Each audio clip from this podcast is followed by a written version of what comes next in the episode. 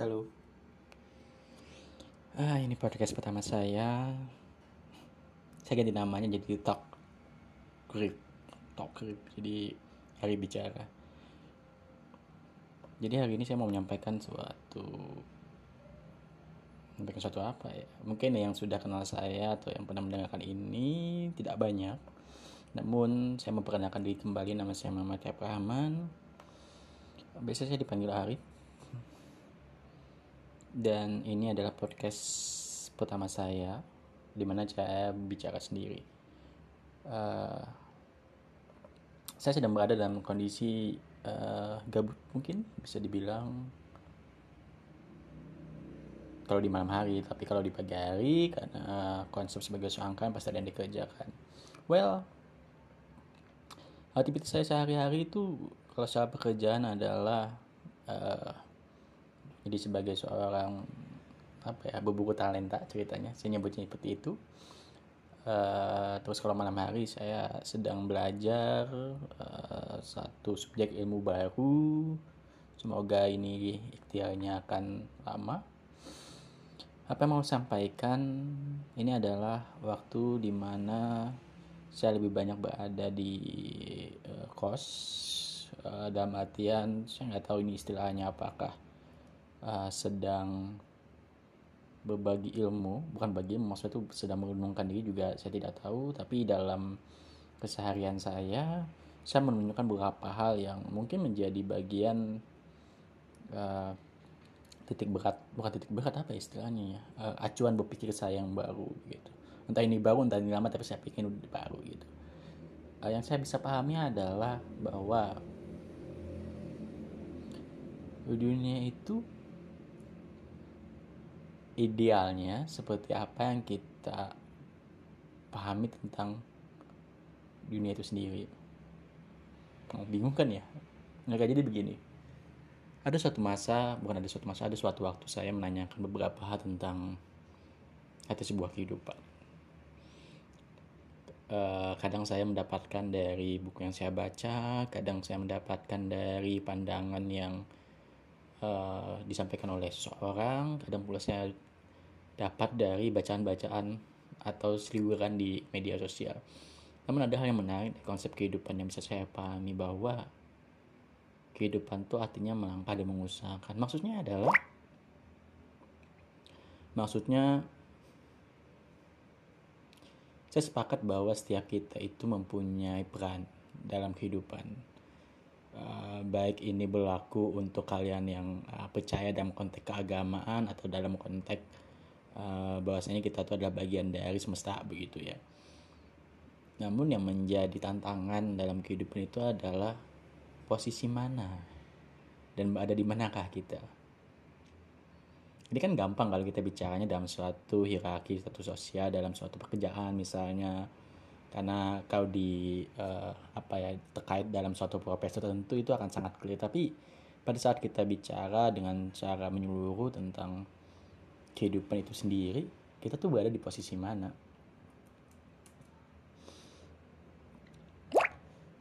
Uh, banyak orang mengatakan bahwa kita harus menemukan diri kita. Uh, namun saya juga berpikir bahwasanya penemuan ini bukanlah penemuan yang uh, bisa dinyatakan sebentar gitu kan ya tapi penemuan ini adalah proses yang sangat panjang. Bisa dicari pada saat kita dalam kesendirian, bisa juga didapatkan pada saat kita uh, melakukan hubungan sosial atau ketikatan dalam suatu hubungan sosial. Contoh, uh, mempunyai istri, mempunyai anak, atau berada dalam fase-fase tertentu. Dan ini menarik bagi saya untuk untuk menyimak gitu. Saya pikirnya menyimak, menyimak dalam hal bahwa saya dengar beberapa cerita dari para yang uh, mungkin lebih tua dari saya. Lalu saya coba apa ya saya coba uh, merelevansikan apa sih merelevansikan atau mensinkronisasikan tentang kehidupan pada saat ini. Kok nggak ada bedanya ya gitu. Yang berbeda di poin bahwa ya umur yang bertambah dia mempunyai pengalaman yang bertambah juga sehingga hal itu membentuk uh, pemahaman tentang dirinya itu juga bertambah begitu. Tapi apakah mereka juga bertindak yang sama? Saya pikir bertindak yang sama. Ada sebagian orang yang bisa membijaksana itu dengan uh, menyampaikan hal yang mungkin lebih positif. Ada yang masih menggerutu dalam artian mencoba mencari uh, pitnya di mana jadi kehidupan itu selalu dicari. Artinya kehidupan konteksnya adalah semuanya harus harus diusahakan. Bahas kehidupan ini juga masen yang uh, sangat apa ya sangat subjektif. Sangat subjektif artinya hanya kita yang tahu dan hanya kita yang paham tentang diri kita gitu. Tapi kalau memang kita memang kesulitan itu juga nggak ada salahnya kita mencari bantuan orang yang cukup mengenal kita itu pertama atau juga kalau mau yang lebih sifatnya ada validasinya bisa mencari bantuan uh, profesional. Dan ini selalu menjadi bagian pemikiran saya pada saat uh, saya menjalani kehidupan. Sampai di usia saya sekarang pun saya masih merasa saya belum cukup bijak untuk untuk memastikan bahwasanya apakah apa yang saya pikirkan ini sudah cukup jernih begitu. Apakah ini adalah hal yang saya sukai? Apakah ini adalah uh, hal yang ingin saya lakukan setiap harinya? Itu juga saya men kadang menjadi perdebatan sendiri gitu. Entah karena itu secara emosi terbawa karena mungkin kelelahan atau ada hal-hal secara emosi terganggu atau mengganggu begitu atau distorsi tertentu saya tidak tahu juga. Saya tidak tahu dalam artian saya tidak bisa memberikan alasan yang clear tentang mengapa hal itu terjadi. Tapi saya pikir setiap kita akan mengalami masa-masa ini atau kondisi-kondisi demikian.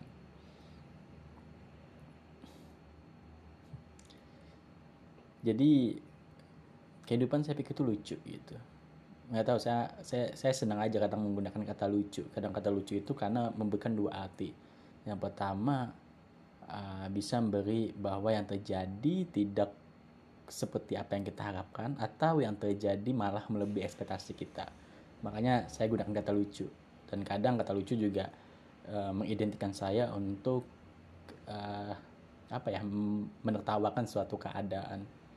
Dan itu uh, bagi saya mungkin bagian dari copy mekanisme juga bahwasanya ya begitu ya begitu adanya ya begitu gitu kan ya. Jadi itu juga aja.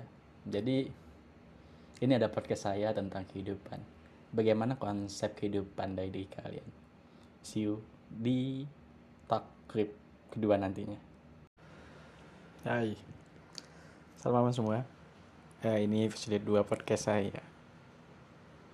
Uh, hari ini dari pagi saya maintenance uh, manusia. Maksud maintenance ini adalah saya berulang kali harus memberikan jawaban kadang-kala arahan kadang-kala solusi yang dan juga ada beberapa cerita-cerita ada yang uh, ada yang curhat ada yang mungkin bisa dibilang komplain ada hal sifatnya apa ya ya kehidupan manusia pada umumnya mungkin saya pikir ya. Tapi ada yang sangat menarik dari pemahaman saya yaitu pemahaman tentang bahwasanya dan mengapa jadi saya berpikir itu kedewasaan itu tidak bisa diukur dari umur. Ya memang kalau secara biologis itu beranah dewasa dewasa kalau salah adalah per, per, perkembangan ciri sekunder gitu kan ya. Yang tunjukkan dengan istilah atau penyataan pematangan secara psikologis gitu. Namun kenyataan di lapangan bagi saya sendiri ini jelas bagi saya sendiri banyak hal yang um, mungkin kok sama aja ya gitu kan ya. Di umur berapapun orang tersebut dia akan cenderung untuk uh, melakukan sesuatu yang kok bisa seperti ini ya gitu kan. Maksudnya itu kita akan terikut sendiri gitu. Dan ini ini di di di saya itu cukup menarik. Karena kenapa jadi cukup menarik? Karena saya jadi mempertanyakan kadang-kala sejauh mana seorang atau kita itu bisa dinyatakan cukup dewasa dengan ukuran pribadi sendiri gitu. Bukan dengan ukuran pribadi yang ditanamkan oleh orang lain. Kan memang suatu apa ya? Suatu hal itu dianggap hal itu tersebut itu dikenakan atas kesepakatan bersama gitu kan ya. Nah, mungkin dewasa yang telah kita pahami ini ya sama ini kan hasil dari kesepakatan para yang membuat pernyataan dulu dulunya gitu nah